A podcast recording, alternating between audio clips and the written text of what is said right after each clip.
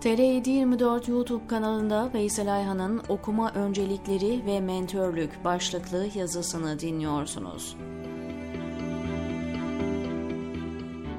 Bu serinin ilk yazısı evlerle ilgiliydi.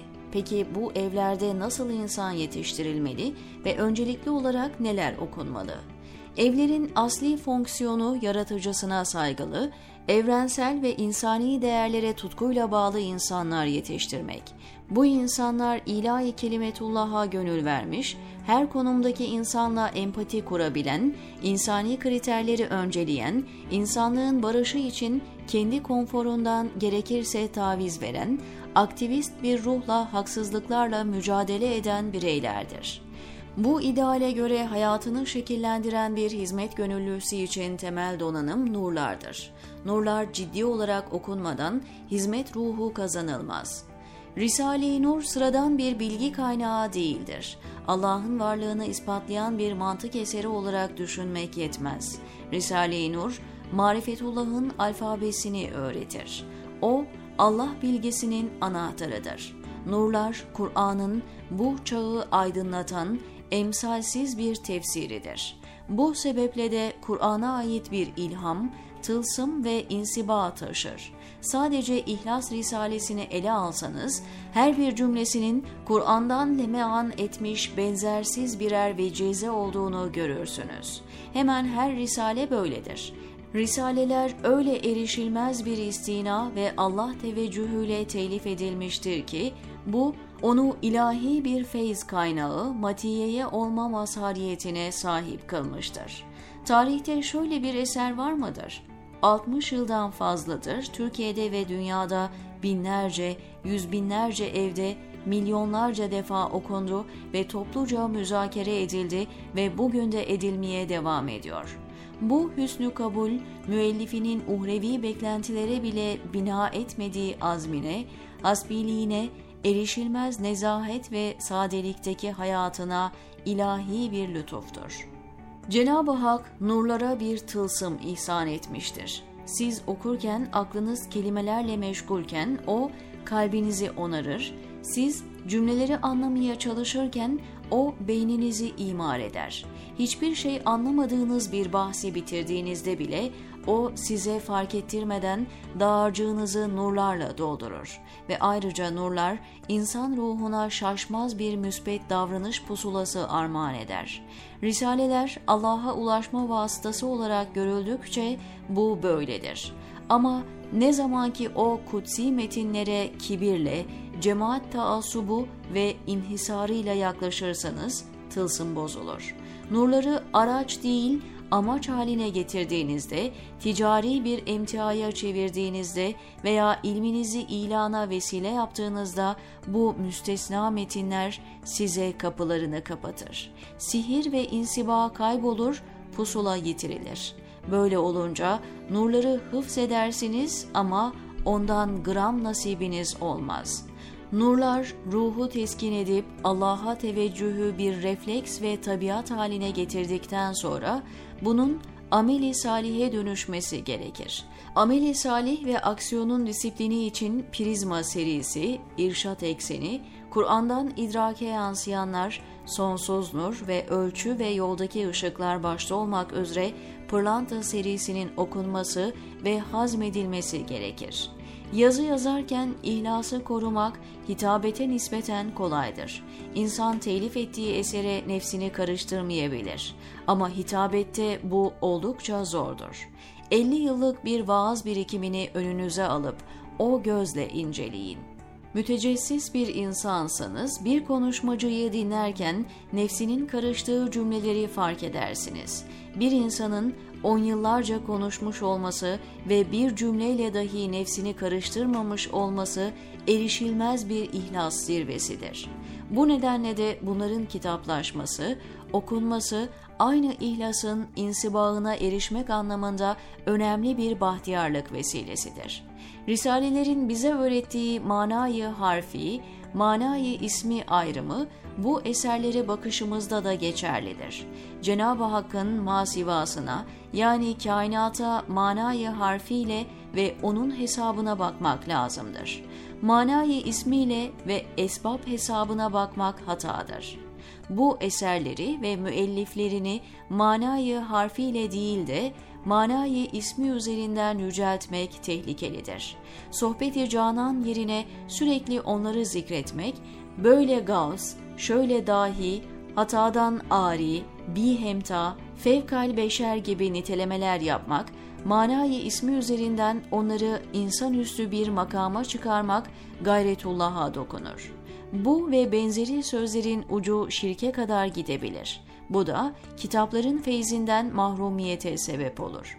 Bir başka tehlike manaya değil, kışra takılmaktır.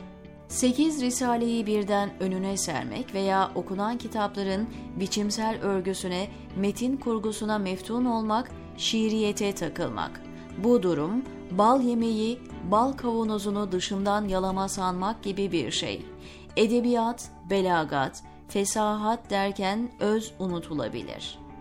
Tüm bu eserlerle sağlam bir temel oluşturduktan sonra herkes ufkun nispetinde yenilenen dünyaya uyum sağlamak, insan prototiplerini tanımak için dünya klasiklerini, geldiği ülkenin yerel klasiklerini okumalı.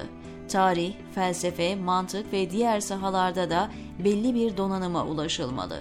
Kitap okumak fevkalade önemlidir ama her şey değildir. Okunan eserler yaşanmıyorsa ameli salihe dönüşmüyorsa şu ayetin hakikati tezahür eder. Kendilerine Tevrat yükletilip de sonra onu içindeki derin anlamları, hikmet ve hükümleriyle gereği gibi yüklenmemiş olanların durumu, koskoca kitap yükü taşıyan eşeğin durumu gibidir. Cuma 5 bir mentör, öğrencinin kendini nefsin cazibedar girdaplarına kaptırmaması için ameli salihle vaktini tıka basa doldurması gerekir. Ameli salih neleri içerir? Bakınız, deizm ve ateizmin en önemli nedeni. Mentör öğrenciyi kim yetiştirecek? Tavuk mu yumurtadan çıkar, yumurta mı tavuktan paradoksu tam böyle bir şey. Karizma ve sürükleyiciliğiyle rehberi olduğu öğrencilere mentörlük yapan, mecazi anlamıyla idoller yoksa idealist öğrenci yetişmez.'' Bu kalitede kız ve erkek mentörler ancak aynı nitelikteki benzerleri aracılığıyla yetişir. Böyle bir salih döngü yoksa evler fonksiyonunu yerine getiremez. Bugün bilhassa yurt dışına gelmiş, dil öğrenip yabancı okullara intibak etme uğraşı veren öğrenciler için bu ev safta kız ve erkek mentörler vazgeçilmez bir zorunluluktur. Toptancılıkla rehberlik olmaz. Toptan rehberlik yapmak, toptan heykel imal etmek gibi bir şeydir. Fabrikasyon heykel üretilir ama bunların sanat değeri olmaz. Toptancılıkla kendi olabilen, dünyaya katkıda bulunabilecek bireyler yetişmez. Toplu programlar, kalabalık yaz kampları vesilesiyle bir araya geliş çok önemli ve vazgeçilmezdir. Mutlaka verimlidir ama kamplar boyacı küpü değildir. Öğrencilerle birebir ilgilenme, teke tek problemleri dinleme, ufuk kazandırma, sonraki zaman dilimleri için daimi arkadaşlık bağları kurma gibi fonksiyonlar yoksa kampların etkisi saman alevi gibi olur. 10 günlük bir kamp yılın diğer 355 gününde yapılanların devamı veya bir parçasıysa gerçek verim alınır. Yoksa yapılan rehberlik ansızın ve çok şiddetli olarak yağan ve hızla buharlaşan yaz yağmuruna benzer. Böyle olunca da kamp biter, herkes kendi dünyasına döner. Biz de ne yapalım kemiyet tablolarıyla teselli oluruz. Bu sebeple bir rehberliğin en önemli başarı kriteri sahip olduğu bu kalitede mentör sayısıdır. Bir şehirde rehberlik veya hizmet var mı yok mu? Bu testi yapmak çok kolay. İki şaşmaz ve reel veri var. 1. Kaç tane orijinine uygun ev var? 2. Kaç tane vasıflı mentor öğrenciniz var? Geri kalan tüm veriler istatistikten ibarettir. Bu kalibrede rehberler yoksa ne okul ne de başka bir kurum sıradan bir okul veya sıradan bir kurumdan öte kıymet ifade etmez. Bu bakış açısıyla ideal bir ev, dev bir okuldan veya şaşalı bir kurumdan daha değerli çıkabilir. Bu problemleri aşmada artık alternatif bir insan kaynağımız var. Kimi yatmış çıkmış, bazısı gaybubet yaşamış, çekmedikleri eziyet kalmamış, yokluklar içinde kendilerini manevi olarak eğitmiş, dikenli yollar aşmış, para, mülk, makam her ne varsa sıfırlamış, özetle feleğin çemberinden geçmiş muazzam bir kitle var. Bu insanların değerinin farkına varmamak küfranı nimet olur. Elimizde yetişmiş mentörler yoksa yaşın hiçbir önemi yok, kadın erkek her biri mentör öğrenci olarak 3-5 gençle birebir ilgilenebilir. Hayat tecrübelerini ve birikimlerini yeni nesle aktarabilir ve onlara ameli salih yönüyle mentörlük yapabilir. Bu tercih yurt dışına gelenlerin ürün vermesine vesile olduğu için onların yeniden hayata tutunmasında bir doping etkisi yapacaktır, diyor Veysel Ayhan TR724'deki köşesinde.